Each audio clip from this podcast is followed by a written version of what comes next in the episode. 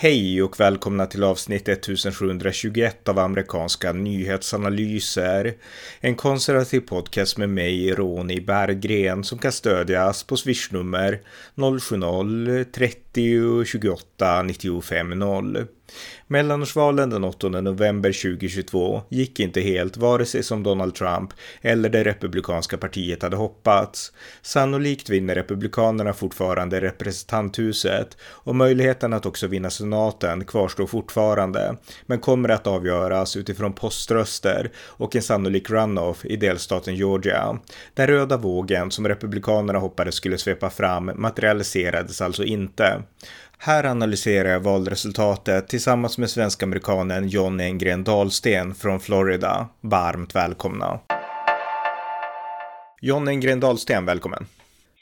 Tack Ronny. Du brukar vara med ibland och du är svensk-amerikan. Du bor i Florida och eh, eh, ja, nu har det varit de här mellanårsvalen i USA. De var i tisdags den 8 november och eh, man kan väl säga för att sammanfatta den här stora röda vågen som man pratade om att republikanerna skulle svepa fram och vinna överallt. Den har inte materialiserats. Det blev inte så. Med ett undantag, Florida. Där var det verkligen en röd jättevåg kan man säga. Eller hur? Ja, det stämmer. Nej, det, det, på nationell nivå så blir det ju inte riktigt, det blir typ ett litet antiklimax för Republikanerna. Men eh, i Florida så har, som du säger, den vågen, den, den, den höll i sig där. För, för man tänkte ju liksom, det var mycket prat om att, eh, alltså att Republikanerna skulle vinna jättestort i representanthuset. Just nu så styrs ju båda kamrar av Demokraterna. Nancy Pelosi, speaker of the House i representanthuset och senaten där står det 50-50. Men Kamala Harris, vicepresidenten, har gjort att de har fått en majoritet då. Eh, och alla tog för givet att Republikanerna kommer att vinna jättestort i representanthuset och sannolikt också ta senaten. Nu är ingenting klart därför att det är så jämnt och ställningen just nu det är att för, för att få majoritet ska sägas i representanthuset så behövs 218 platser och enligt den pågående räkningen så har republikanerna nu 207 och demokraterna 183 och sannolikheten att eh, republikanerna får 218 den är ganska stor men det är ingen så här jätteseger som man hade trott. I senaten är det superjämnt och det kommer nog att avgöras på tre delstater. Man kommer räkna upp Arizona, Nevada och det kommer med all sannolikhet att bli en runoff i Georgia och det kommer att avgöra om eh, ja, Demokraterna eller Republikanerna behåller senaten. Så att eh, vart du överraskad när, när det här resultatet kom in nationellt tänker jag? Ja, lite får jag väl säga. Jag tycker att eh, det skulle varit, alltså, även om det ser ut som att Republikanerna tar huset, eh, så trodde jag nog att det skulle vara färdigt redan nu, att de här 218 platserna var säkrade. Eh, jag läser också just nu att det är faktiskt 184 för Demokraterna precis just nu. Mm.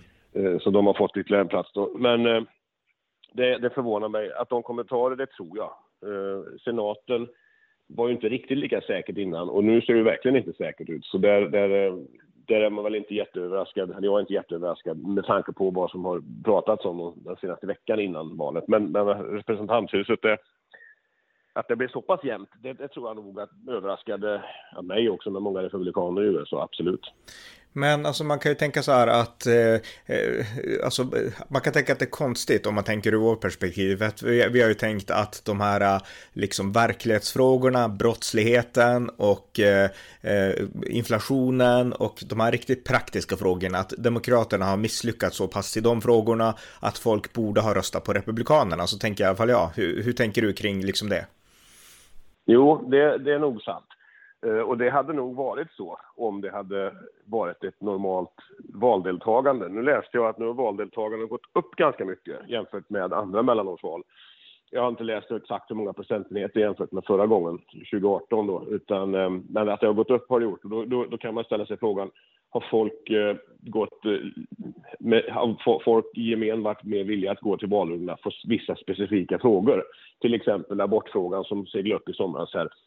Eh, den delen och sen också att eh, man kanske har gått man ur huset lite mer för att man inte, man gillar inte Trump på den sidan och då har man inte brytt sig om de andra frågorna. Hade resultatet, eller valdeltagandet varit som det var till exempel 2018, då hade nog de här frågorna som du nämner fått mer fokus och då hade nog den här röda vågen hållit i sig. Mm. Eh, så där tror jag ligger en del i förklaringen varför det inte blev som, som vi hade trott då. Mm. Eh, men det är intressant, för jag tror ju dels, och nu börjar det ju sagt, det är två dagar har gått, men det har redan börjat komma in rapporter om vilka faktorer som låg bakom analyserna. Det kryllar av dem på Fox News och på CNN och överallt. Så att några aspekter av det här. Jag tror att det som kan ha motiverat Demokraterna, det är dels att eh, abortfrågan, alltså det var ju mycket prat om den i somras efter att högsta domstolen avskaffade Roe v. Wade och den fick oerhört mycket uppsving och Demokraterna kände att nu har vi vind i seglen. Men sen tog pratet om inflation och brottslighet över under hösten och abortfrågan den sjönk ganska snabbt på, på liksom prioriteringslistan i alla opinionsundersökningar egentligen. Och då tänkte väl Republikanerna att nu, nu vill de prata om våra frågor igen och inte om aborter. Men eh, någonstans där i bakgrunden fanns ändå abortfrågan och Demokraterna, nästan alla kandidater hamrade ju på jag ska skydda aborträtten och Republikanerna är extremister. Det var ju Demokraternas budskap. Och eh, det verkar ändå som att det har fått många demokrater att faktiskt gå ut och rösta. Alltså det har bidragit till att det varit liksom extra många demokrater. Ja, det tror jag absolut. Det har det har gjort och även om det kanske inte har varit i, eh, i ropet med abortfrågan så har det ju onekligen legat och skvalpat i bakgrunden hela tiden och det har ju fått genomslag nu. Och, och, som jag nämnde förut att det kan mycket väl vara så att de som faktiskt bara bryr sig om den frågan går faktiskt och röstar fast de kanske inte hade gjort det annars. Eh, men sen, sen, sen, tror jag också att, att Trump har varit ett sänke i den här valrörelsen. Ja men om vi kommer in på det då. Tyvärr för Republikanerna. Ja men om vi kommer in på det lite grann, för jag tror också det. Och eh, jag, också, jag, såg, eh, jag såg en del analyser på, på Fox News nu om när de skulle analysera alltså resultatet av valet. Och då pratade eh, en av Trumps tidigare rådgivare, nu tappar jag vem det var, Kellyanne Conway var det, eh, som mm. sa att många av kandidaterna som Republikanerna hade fått fram, alltså hon ansåg att det fanns en brist i kompetens och att allmänheten, de såg den här kompetensbristen i kandidaterna och att det avskräckte lite grann trodde hon. Och det för oss in på Trump därför att faktum är att väldigt många av de här kandidaterna som har blivit republikanernas kandidater liksom i både senatrace, kongressrace och guvernörsrace och så, eh, de är kandidater som Trump har lyft fram. Han satsade ju stenhårt på att få America First-republikaner som man kallade dem att vinna i primärvalen, republikanernas primärval. Väldigt många av dem vann och eh, de hade några gemensamma faktorer. En gemensam sak det var att de var lojala mot Donald Trump. En annan gemensam sak det var att de pratade om valfuskkonspirationer eller valfuskteorier ur deras perspektiv då från 2020 som Trump förfäktar och de gjorde då det för att få Trumps stöd. Och eh, Förmodligen så var många av de här, äh, inte, eller många av de här var inte super liksom politiskt erfarna, utan de var ganska mycket nykomlingar och äh, de kom in tack vare att de körde Trump-spåret. Och det, det i sig själv bäddar ju för en liksom en viss äh, liksom inkompetensprägel också på kandidaterna och sannolikt så såg väljarna igenom det och de kände inte förtroende för de här republikanska kandidaterna som var väldigt Trump-lojala. Tror att det ligger något i den analysen som Kellyanne Conway gjorde och jag breddade ut den också lite grann. Men ja, fortsätt. Mm. Ja, det, det, definitivt är det så. Och jag, men jag tror också att det avspeglas ju ännu mer i att det är primärval just som föregås av ett mellanårsval eller ett vanligt presidentval, ett vanligt val överhuvudtaget. Därför att valdeltagandet, återigen, kommer tillbaka till det, det är ju ännu lägre i primärval. Dessutom är det bara registrerade, i vissa delstater så får du bara rösta om du är registrerad eh, ett visst parti med mera. Och det innebär ju att valdeltagandet är ju, jag vet inte hur många, men det är väldigt lågt på primärvalen om man kollar på hela befolkningen i delstaten till exempel. Mm. Och det innebär ju att trumpisterna som, som, som fortfarande tror på valfuskteorier och tjatar om det här, de blir ju väldigt, även om de är väldigt de är, det är ingen majoritet i landet som tror på det där, men i delstaterna så är de ju, då blir de ganska många för de går ut och röstar på en kandidat som har fått Trumps endorsement. Men sen när det väl kommer till kritan och valet ska genomföras, det riktiga valet som betyder någonting, då blir de här människorna i stor minoritet helt plötsligt och då har du inte tjänat så mycket på att ha Trumps endorsement och dessutom så lockar det kanske också ut de här människorna på den andra sidan som absolut inte vill veta av Trumps eh, kandidater. Och då får man ett resultat därefter och som du säger så är det klart att eh, det, inkompetensprägeln är ju stor. Ehm, jag tycker ju att, ta ett exempel med Carrie Lake då i Arizona som eh, är väl en ganska färgstark Trump-kandidat och har också då förfäktat de här teorierna om valfusk med mera. Ehm, jag kan inte säga att hon är en dålig retoriker, jag har lyssnat på henne lite grann. Men, men hon har ju ingen politisk bakgrund överhuvudtaget. Hon är ju nyhetsankare, har jag mig det var, från början. Hon är en färgstark, karismatisk person, men med just den här politiska... Eh, hon kanske inte är så politiskt slipad, vilket gick hem hos, när Trump är president, men det kanske inte räcker alltid då. Och i det här fallet så tror jag nog att det ligger väldigt mycket i, i Kellyanne Conways eh, analys, absolut. Mm. Eh, jo, men precis. Jag, menar, jag tycker Carrie Lake är ett bra exempel. Hon är bara ett av många. Det finns otroligt många. För att jag anser att även de här tokstolda republikanerna presenterar bra politik. Carrie Lake har superbra politik. Hon vill ha en säker gräns.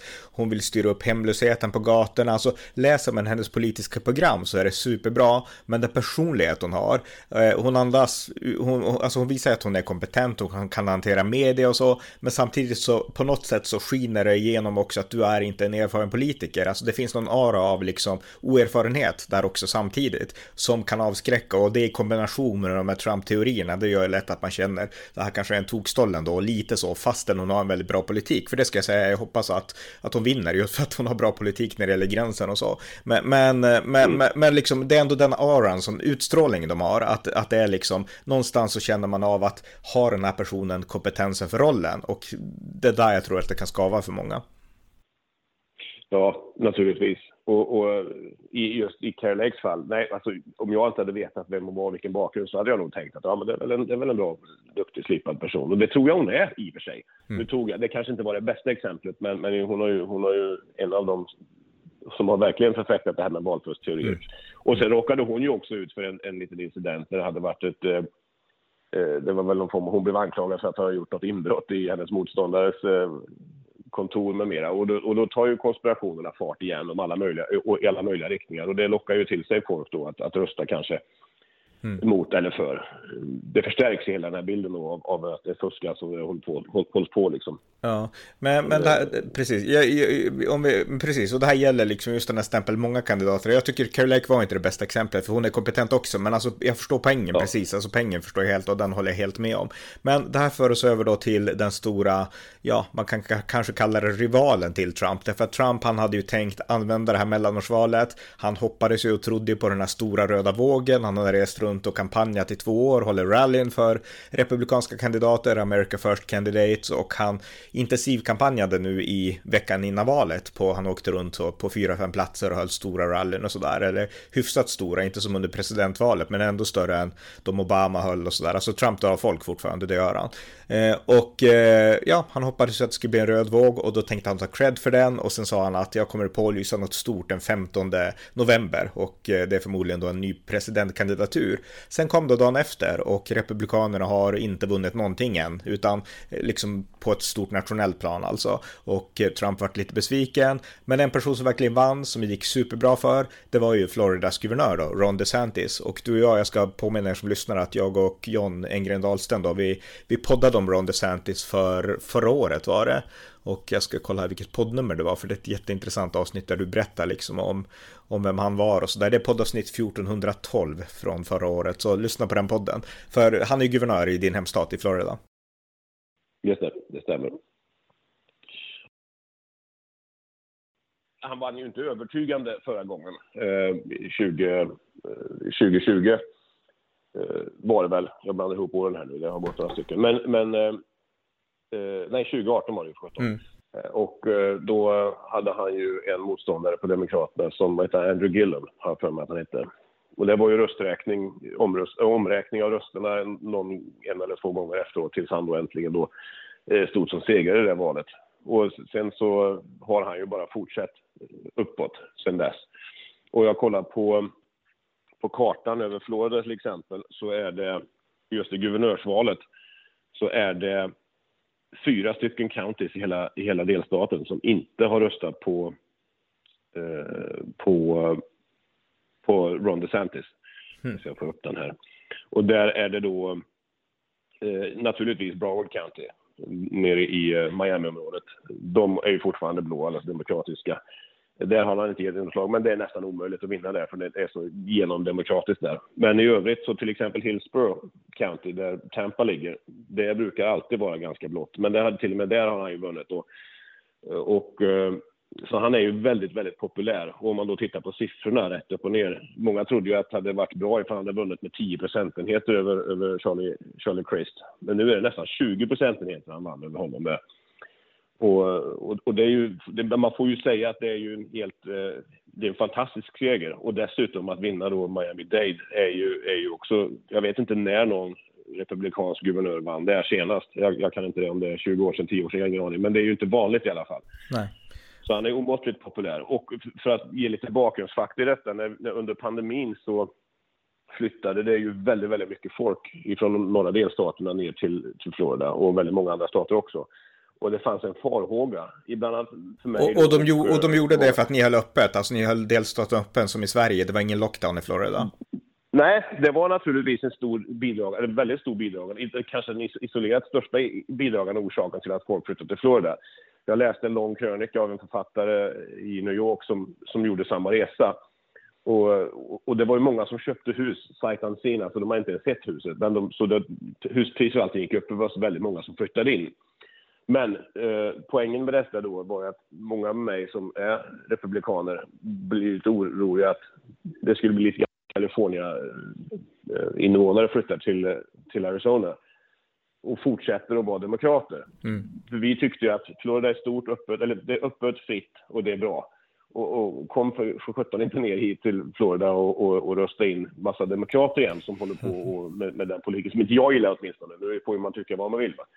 Men jag tror att den, den idén, eller den, den, risken kom lite på skam. Nu när vi då ser resultatet i Florida och även kollat på eh, Marco Rubio till exempel, som då den andra senatorn som också blev inröstad med god marginal och, och överlag republikanska frågor har vunnit stort gehör under detta valet. Och nu, och nu fick vi då kvitto på att det var inte New York-demokrater som tog sig till Florida, utan det var nog folk som faktiskt tycker om Florida som delstat och förstått att friheten som vi har här är är, ehm, den är värd att, att, att försvara och flytta till. Mm. Så det, det, det, det, tycker jag var ett skönt kvitto åtminstone. Sen är det ju så att Ron DeSantis som person är ju väldigt populär i sig. Han kanske, han är ju, han kanske är större än sitt parti i och för sig då, i Florida. Men det spelar ingen roll för att eh, folk har sett det och vill fortsätta med det. Och han har ju varit, han har ju varit kontroversiell i och med det här. Det var ju dels med Disney eh, Eh, och dels med den här eh, läroböckerna i skolan, att föräldrarna ska få bestämma vad barnen ska lära sig och man vill inte ha massa eh, woke-teorier och annat sånt där. Och det trodde man kanske skulle skrämma bort en och annan väljare, men det har inte gjort det. Så jag tar det som intäkt för att det, det är frihetsälskare personer som har flyttat till Florida i större utsträckning än något annat. Ja, jätteintressant. Och just du nämnde Miami-Dade County, jag, jag, googlade lite nu, det är ju ett stort starkt fäste för latinamerikaner, speciellt de för Kuba läser jag. Och den senaste republikanen, republikanska guvernörskandidaten som vann där, det var Jeb Bush som vann 2002, alltså för 20 år sedan. Så att ja. ingen republikan har vunnit där mm. exakt sedan dess. Så jag menar, otrolig framgång för. Och jag menar, det här har också gjort att nu skriver ju många att, och många på vänsterkanten, så här liberala talkshow-värdar, de pratar om att Florida extremistiskt och det är högerextremism och liknande. Men jag menar, det som har hänt nu det är att Florida som brukade vara en swing state, en purple state som man kallar den, den är nog inte det längre, utan nu känns det som genuint republikansk. Ja, absolut, eh, vilket är väldigt positivt. Och det är ju en, stor delstat med 22-23 miljoner invånare. 20 eh, representanter i huset om jag inte har fel och så vidare. Så att det, det, den får ju större betydelse ju mer folk flyttar in naturligtvis. Men sen om vi pratar latino som egentligen i, i stor utsträckning man kan stämpla demokrater på dem. För det har varit så i alla år. Man ska komma ihåg då att om det Bush vann för 20 år sedan det är en helt ny generation latinos som har växt upp nu. Mm. Och det intressanta är ju att ifrån länder som Venezuela, Kuba mera, när det kommer en, en ny ungdomligare generation, olika från de yngre, men som inte tycker om de här Eh, Eh, styrena. För Venezuela som exempel, jag har träffat på många venezuelaner i Florida och de, eh, de är ju absolut, de, de avskyr verkligen den här socialistiska regimen i Venezuela. Eh, som en parentes då. Och eh, därför så tror jag att den yngre generationen går mer mot republikanerna för att det är frihet man vill åt. Eh, och Kuba likadant där. Eh, sen så har den gamla generationen också, mexikaner vet jag, många kompisar som är mexikaner som är den äldre generationen som också har flippat. för att de har förstått att deras barn kanske har påverkat dem i viss riktning, jag vet inte. Men någonting har hänt med latinamerikanerna i, i, i USA generellt och i synnerhet då i Florida. Mm. Ja, men det är jätteintressant och jag tror att det är en, förutom att de har, har avskyr socialism, det är därför de kommer till USA i det här fallet. Jag menar alla, om vi tar immigrationen i Europa, de kommer inte för att de älskar det svenska utan för att de får pengar. Men jag menar, i USA är det verkligen så att många latinamerikaner som kommer, de kommer för att de avskyr socialism och de vill leva ett fritt i USA. Men det som då har hänt i USA, det är att Demokraterna, som ändå var ett hyfsat normalt parti om vi backar 20-30 år, man kanske kunde ha en annan syn på vapenfrågan och så här små enskilda saker, skattepolitik och så, men, men alltså överlag så var de ju ganska normala och republikanerna också då. Men det som har hänt är att eh, liksom demokraterna har blivit mycket mer socialistiska och det borde förmodligen skrämma latinamerikaner. Ja, det gör ju naturligtvis. Och dessutom, om vi backar bandet 20 år, när Hugo Chavez, jag återkommer till Venezuela som ett bra exempel. Mm. Då, var ju, då var ju Venezuela visserligen socialistiskt, men då började han ju sina reformer om att, att, att förstatliga massa privata bolag. Många bolag ägdes av amerikanska bolag och så vidare. Och så, så, så den yngre generationen har ju verkligen sett försämringen i Venezuela som exempel. Och det är klart att det smittar av sig på andra folk som kubaner och så vidare. Så, så, och, och dessutom när Demokraterna gör den här resan vänsterut som de håller på med. Ja, det är klart att det blir ju ett vakuum. De, de lämnar ju, de lämnar ju spelfältet helt fritt då för, för Republikanerna att, att, att korpa åt sig de här rösterna som är så viktiga. Mm. Så det tror jag absolut är en bidragande orsak. Sen har ju naturligtvis, som en parentes då, Republikanerna har ju sina lite mer högerextrema falanger också. Eh, republikanerna har det. Men, men utifrån latinamerikanska ögon så är ju Republikanerna naturligtvis det, det självklara valet då. Ja, eh, men det för oss över just till det här liksom kampen i det republikanska partiet, därför att det finns två stora personligheter nu som bor i Florida, såklart guvernören Ron DeSantis, men det finns ju också en annan New York-bo som har flyttat till Florida och det är ingen mindre än Donald Trump. Han, han kommer från New York, men han tyckte att New York var inte tacksamma nog mot hur bra han var, så han drog till Florida istället och eh, sitt hem där Mar-a-Lago. Och eh, han, eh, ja, det mesta tyder på att han kommer att ställa upp igen i presidentvalet då 2024 och han har börjat se Ron DeSantis redan nu som sin primära rival. Han började prata om på sitt rally som han höll, kanske till och med var i, om det var i Ohio, att han pratade om Ron de Sanctimonious. Alltså han försökte, han har ju alltid så här smeknamn, så här lite nedlåtande ja. smeknamn på sina konkurrenter. Och det där var, jag vet inte ens vad det betyder, men det var det han sa om Ron DeSantis i alla fall. Så att det känns ju som att Trump börjar känna att Ron DeSantis är kanske en rival. V vad tänker du om det? Ja, det är klart han gör. Det, det, även om inte Ron DeSantis har sagt någonting. Jag lyssnade på, en, eh, på din podd, tror jag det var, när eh, ett klipp från en debatt mellan eh, Charlie Crist och Ron DeSantis, där Charlie Crist ville få Ron DeSantis att erkänna att han egentligen bara skulle sitta två år som guvernör för att sen skulle han bli president. Eller så. Men DeSantis, han, han, svarar inte, han svävar inte ens, han svarar inte ens på det. Och det kan ju också ge en, en idé om att han kanske faktiskt funderat på att, att göra det. Sen tror jag ju att det, det skulle nog vara ganska olyckligt om, om, om bägge två ställer upp samtidigt, för jag tror inte att någon av dem skulle vinna på det. Så vem som är smartast i det racet, det vet jag inte. Det får vi se. Sen tror jag att, att Donald Trump skulle ställa upp, det gör han naturligtvis av narcissistiska och egoistiska skäl. Så han, är ju, han har ju en sårad stolthet och, och försöka på något sätt reparera. Mm. Men, eh, men eh, eh, så, så, det tror jag han kommer göra. Och då hänger det naturligtvis på vilken blir den demokratiska, eller den demokratiska kandidaten mot honom. Det tror jag i så fall kommer att avgöra. För att jag tror att Trump har nog inte så stor chans att vinna ett nästa val om det blir någon annan än Joe Biden som, som ställer upp mot honom. Nej, men alltså jag anser ju att Ron DeSantis skulle vara starkare än Trump i ett allmänt val. Alltså i primärvalet då tror jag att Trump har fortfarande så mycket av den republikanska rörelsen att det blir svårt för Ron DeSantis och sen två tankar till där också. Det är dels att Trump måste ställa upp nu för annars är han för gammal. Han kan inte ställa upp igen även om han teoretiskt får sitta fyra år till för att han börjar bli 80 han också. Alltså de, han är gammal. Medan Ron DeSantis han kan vänta i, han, han kan i, alltså i teorin kan Ron DeSantis vänta i 15 år till innan han kandiderar om han vill. Det kan inte Trump. Så att eh, den aspekten finns. Men, men, jag tänkte också föra alltså, en fråga då. När Trump börjar prata så här eh, nedlåtande om Ron DeSantis, som ändå var en slags person som Trump stödde i guvernörsvalet 2018 och Ron DeSantis har ju kallats för mini-Trump därför att han har liksom gillat Trump och han har liksom infört mycket av den politik som Trump drev nationellt har ju Ron DeSantis drivit i, liksom i, i Florida och så. Så att eh, nu när då Donald Trump börjar hacka ner på, på Ron DeSantis, hur känner man då som liksom konservativ republikansk Floridabo? Blir man liksom upprörd eller blir man, vilken sida ställer man sig på då? Jag blir lite besviken får jag säga, för jag tycker att det är, det är så onödigt av Trump att ge sig in i det där. Men han skyr ju uppenbarligen inga medel oavsett om det är en, en tidigare allierad som, som, ja, jag får ju känslan av att han, han går nog över lik för att komma dit han vill då. Mm. Och framförallt då när han är lite, han sårat stolthet och så vidare. Eh, det här med mini-Trump, ja, det, det kunde jag nog ha hållit med för två år sedan. Jag var ju på ett rally i Tampa eh, och kollade på Trump. Och DeSantis var ju där naturligtvis som guvernör och höll ett eh, förtal kan man väl säga innan Trump gjorde äntra scenen där. Och då stod de och skakade hand och, och var best buds då. Och, och, där och då var ju Trump-vågen väldigt, väldigt stark. Man ska komma ihåg att Trump vann ju, vann ju fler väljare som alltså återval då. Nu förlorade han ju valet, men han, han, han, han fick ju en hel del fler miljoner väljare. Och det var, en, det var en, just det, i det valet. Och han, det var en stor Trump-våg som svepte över framförallt Florida, men också i resten av landet. Och det är klart att eh, då kan man ju tycka att det var en mini-Trump i DeSantis. Men jag tycker inte att det är en rättvis bild om jag ska vara riktigt ärlig. För att, eh, för vad är Trump?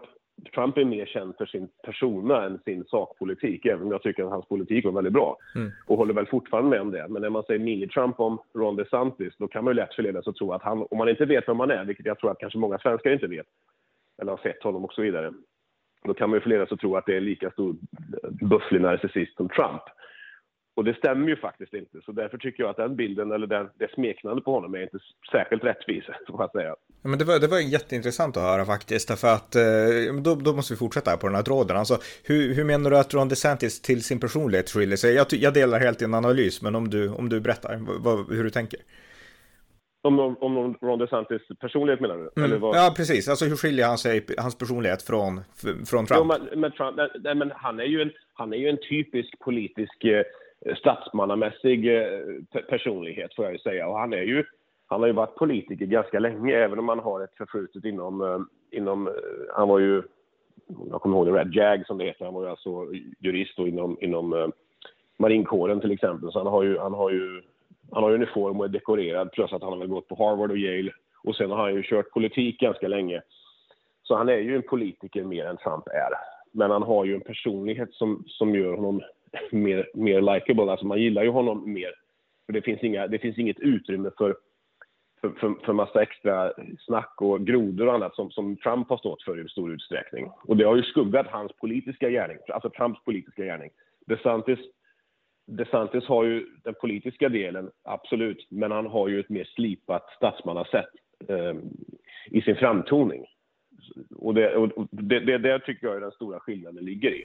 Men, men, men vi, vi pratade tidigare om, eller du nämnde Trumps narcissistiska ego, alltså att han gör bra saker politiskt, Trump, för det tycker jag också, jag menar jag stödjer Trump som president, men att han, han gör det kanske ännu mer för sina personliga skäl, det viktiga är att han gör det, inte att det görs. Känner du att Ron DeSantis är mer, liksom han drivs av, kanske inte av egot i första hand, det kanske alla gör i viss mån, men att det ändå handlar om, alltså det viktiga är politiken, alltså känns han mer genuin, alltså att han, det här gör jag för Florida, känns det mer genuint i... i ja, ja.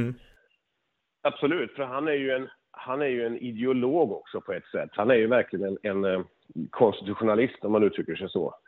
Eh, eh, han, är, han, han, står ju för, för, för den amerikanska konstitutionen, friheten, det USA en gång är byggt på.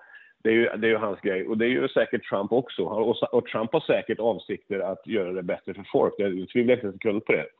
Men, men jag tror att han är också drivs av att, att få vara den personen, som, precis som du sa, det är han som exekverar de här besluten. Det är han som står för dem. Det är han mm. som kan ta åt sig äran för de här besluten. Eh, Ron DeSantis har jag absolut inte fått intryck är en sån person överhuvudtaget. Utan han, han drivs av sin ideologiska övertygelse om frihet och han har fått Florida som en plattform där han har visat hur man gör det på rätt sätt och blivit omåttligt populär. Men han gör det på ett sätt som, som gör att han också går hem hos den breda massan, inte bara hos en, en del av högersidan utan han får med sig många väldigt oberoende, eller många oberoende väljare också. Mm.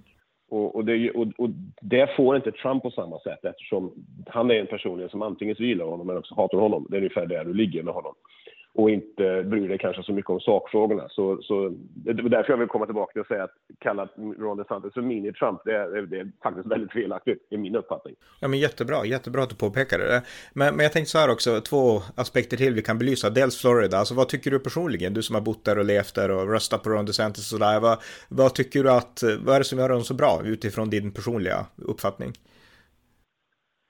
Nej, hans, hans, hans sätt att att, att framföra sitt budskap. Det är välartikulerat, han är duktig retoriker och uh, han är, ska man säga, folklig. Det är väl mm. det bästa ordet att uttrycka det på. Uh, och, och sen, uh, sen att han också står för de värdena som jag tycker är viktiga. Att man ska inte poppa i folk massa social justice-grejer och woke och sånt där, utan man låter familjen få bestämma själv.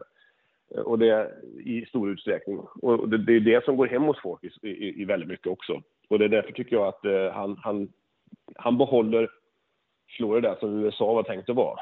Mm. Så tycker jag nog jag skulle vilja säga det. Ja, just det. Eh, och sen den praktiska politiken, jag antar att den också gjort sitt. Jag menar ingen lockdown. Och, finns det andra praktiska frågor där du tycker att det här har Ron DeSantis gjort bra? Tack för att, eh, tack och lov att vi inte hade en demokrat. Finns det något sånt där du känner att här vart det bra tack vare ja, Ron DeSantis? Mm. Ja, Ja, nu kan vi spekulera enbart för att eh, det var ju faktiskt Ron DeSantis som var guvernör under coronaepidemin eller pandemin när den var som värst. Och det var en lockdown i, i Florida. Det får man inte glömma. Den var väl, höll väl i sig i sex veckor ungefär och under den här tiden, det var väl i mars 2020. Och då stängde man också ner skolorna fram till sommarlovet. Så det var ju hemstudier och så vidare. Och eh, jag, och sen låste ju då, låste han ju upp, han släppte ju den här lockdownen ganska fort. Och anledningen till att det överhuvudtaget blev en lockdown då, det berodde på att eh, det var högt tryck i, i parlamentet i Tallahassee uppe i Florida från många, inte bara Demokraterna, utan även många republikaner tyckte att vi ska nog följa exemplen som finns i resten av landet med lockdowns. Så motvilligt så, så satte ju Ron DeSantis sin stämpel på den här lockdownen som skedde. Men sen när det gått sex veckor och han insåg att vi, vi, det händer inte så mycket med statistiken när det kommer till döda, sjuka i corona, så vi släpper på det. Vi struntar i det. Och det gick ju jättefint. Mm. Och då tänker jag så att hade det varit en demokratisk guvernör i det läget så hade nog lockdown blivit ungefär som New York. Det kan jag tänka mig. Ja. Eh, och det, och, så, så, det är ju en praktisk del i detta naturligtvis. Och, och det är väl snarare så att han har, ju, han har fungerat som en alldeles utmärkt dörrvakt mot eh, alla andra, som jag tycker, dumma idéer som har kommit, eh, som har kommit från, från den demokratiska sidan. Just det här med, det här med woke-idéerna och så vidare. Han har ju varit en alldeles utmärkt grindvakt och stoppat mycket av de här eh, dumheterna som, som har kommit då. Så det är ju det rent praktiska han gjort där. Sen, har, sen finns det ju tusen frågor till som han har stått för. Men egentligen handlar det om att förvalta det arvet som han tycker att, att Florida ska bygga på. Frihet och eh, en konstitutionalism, konstitutionalism som, som jag tycker de flesta amerikanska politiker borde hålla vid, men som många inte gör. Ja. Om, vi, om vi då går vidare, alltså tänk om det skulle bli då ett presidentval och ja, dels kanske en matchup mellan Donald Trump, men framförallt allmänt val.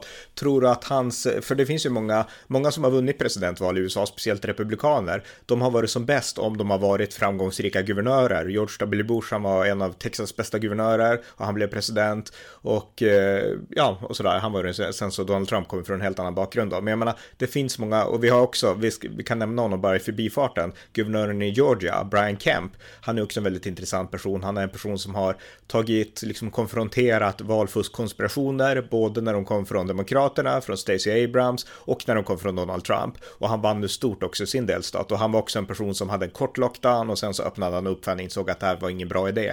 Och eh, han är också oerhört populär i sin delstat. Så att jag menar, att ha ett starkt guvernörskap i ryggen, det stärker oftast eh, aktiekursen liksom inför ett allmänt val val. Tror du att Ron DeSantis har liksom möjlighet att tilltala en bredare publik än just bara folk i Florida?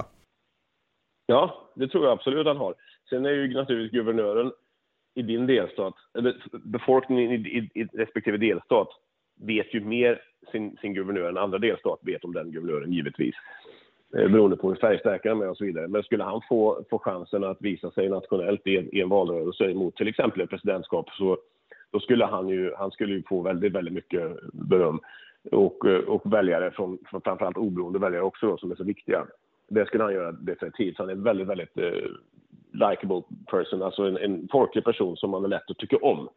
Så det skulle han definitivt ha. Just nu så, så vet ju Florida om att eh, Ron DeSantis existerar en väldigt bra guvernör.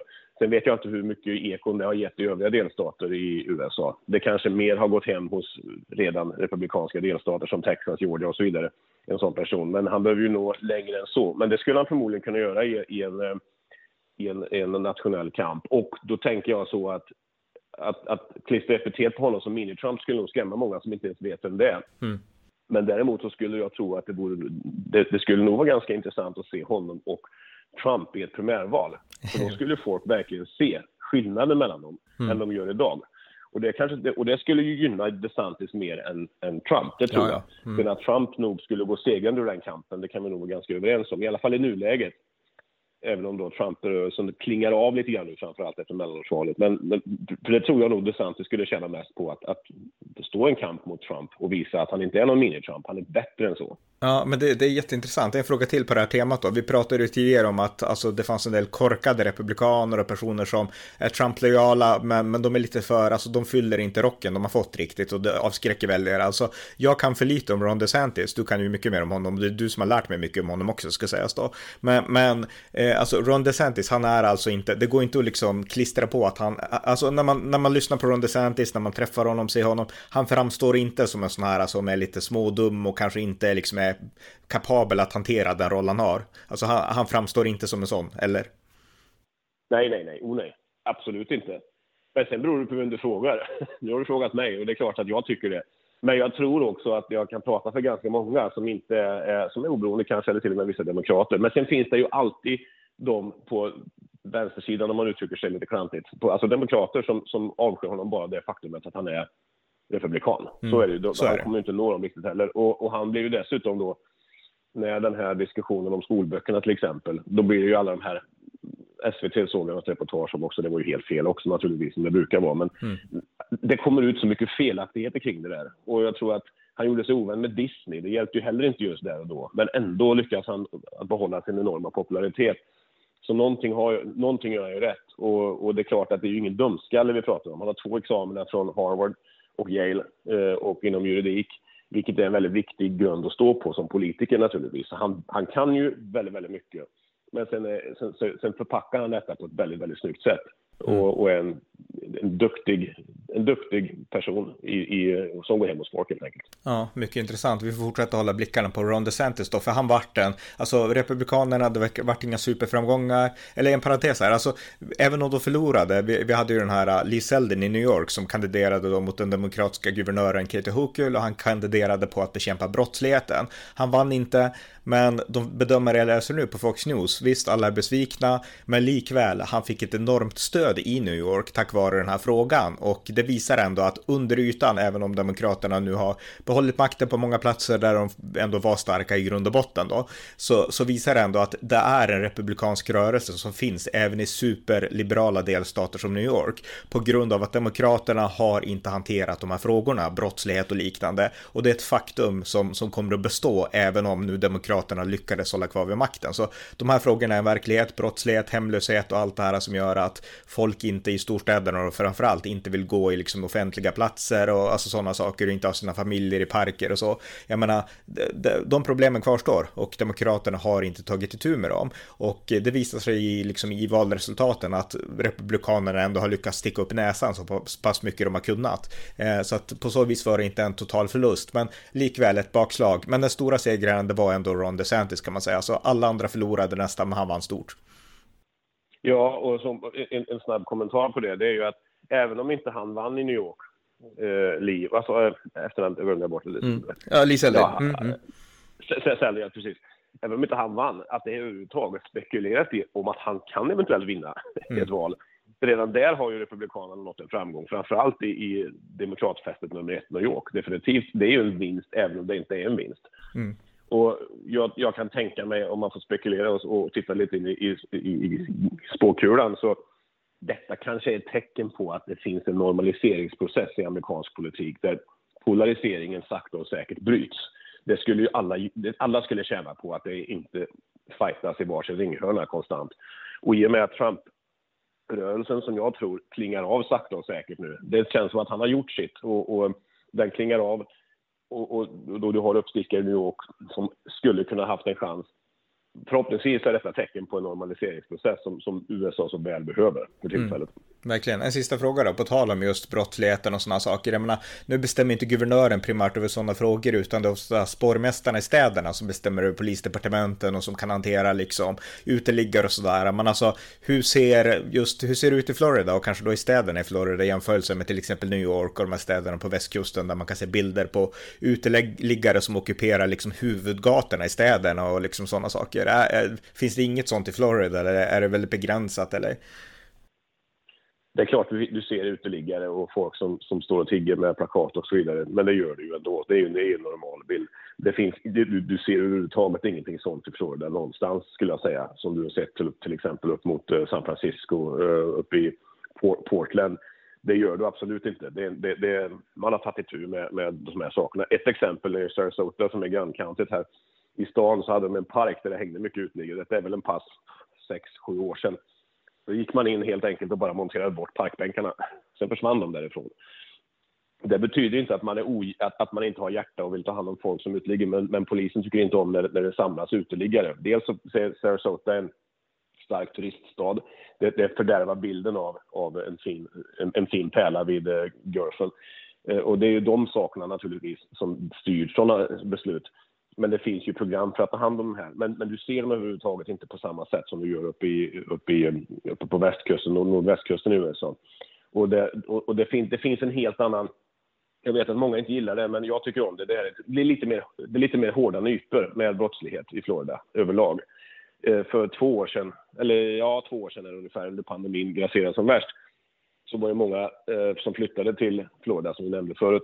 Och då vet jag att det var polischefen i Polk County. Han är också politiskt tillsatt. Eh, han är väl i princip borgmästarens högra hand då. Och de brukar följa varandra partipolitiskt, borgmästare och polischef. Inte alltid, men ofta. Och eh, han hade en presskonferens eh, där han faktiskt stod med DeSantis, eh, har jag för mig, och där han beskrev att välkomna allihopa till Florida. Men ni ska veta en sak, vi älskar frihet här. Kom inte hit och försök att ta bort den friheten som vi älskar så mycket. För har ni fått för det, då kan ni packa och sticka.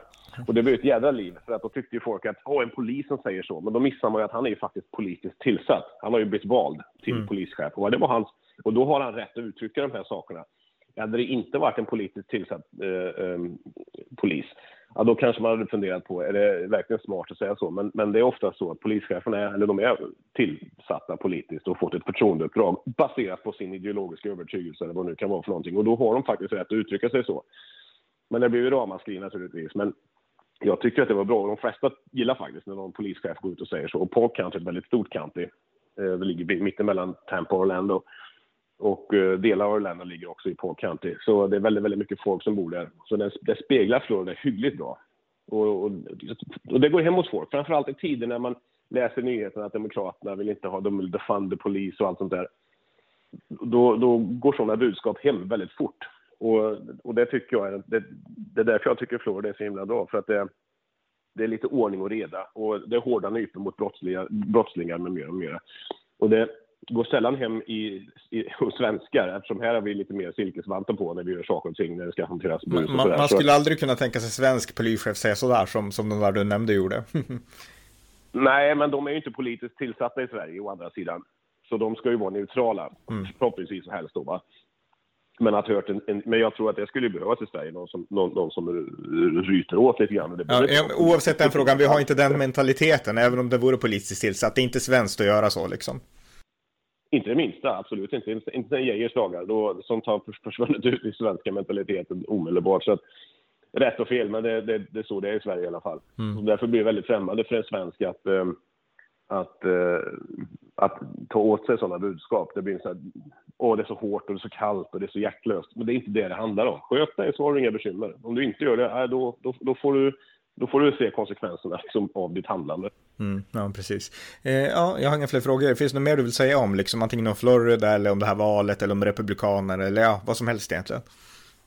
Nej, jag tror vi har tömt det mesta. Det är, jag, jag, jag, är glad i alla fall att, att DeSantis vann så pass mycket som han gjorde och att även Marco Rubio fick eh, eh bli omvald förtroende. Och eh, Marco Rubio, ska vi säga, var ju faktiskt eh, en eh, kandidat till, eh, till presidentposten 2016 som var i val med Trump. Mm. Och har växt till sig. Jag tyckte han var lite av en ungskoling då, men han har växt till sig och, och, och växt till sig. Alltså han, han känns mer erfaren, så ja. ska jag säga. Jag håller helt med. Jag håller helt med. Så, ja.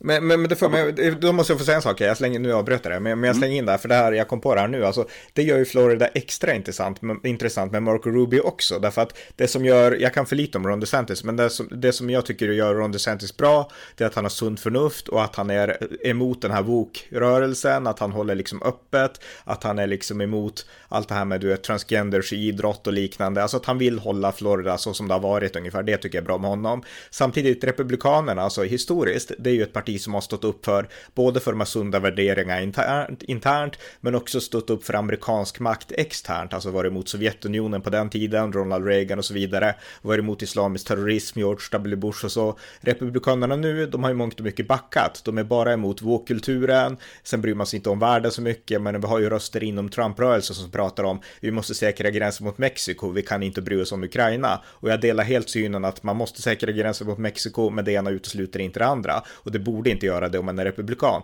I Marco Rubio har ju Florida en person som är liksom utrikespolitiskt kunnig och han står i den här Ronald Reagan-traditionen. Och i Ron DeSantis har man en person som står emot bokrörelsen. Så jag menar, i de två, Marco Rubio och Ron DeSantis, har man helheten av det som brukade vara Republikanerna. Och båda de två kommer från, från, från Florida. Så att det tycker jag är både intressant och hoppfullt. Ja, det håller jag med om helt och hållet. Och dessutom, Mark Rubio är ju, han har ju latinskt påbrå. Och det lockar ju också latinska väljare, eller latinamerikaner eh, naturligtvis. Så att det, det har du helt rätt i. Det är en väldigt bra kombination de två. Ja. Det skulle jag absolut hålla med om. Ja, ja men okej. Men då har vi fört ett intressant samtal. Så tack så mycket John. Tack så mycket Ronny. Ni har lyssnat till amerikanska nyhetsanalyser, det konservativa svenska alternativet om amerikansk politik och en podcast som ni gärna får stödja på swishnummer 070-30 28 95 0 eller via hemsidan usapool.blogspot.com på Paypal, Patreon eller bankkonto. Skänk också gärna en slant till valfri Ukraina-insamling. Tack för att ni har lyssnat.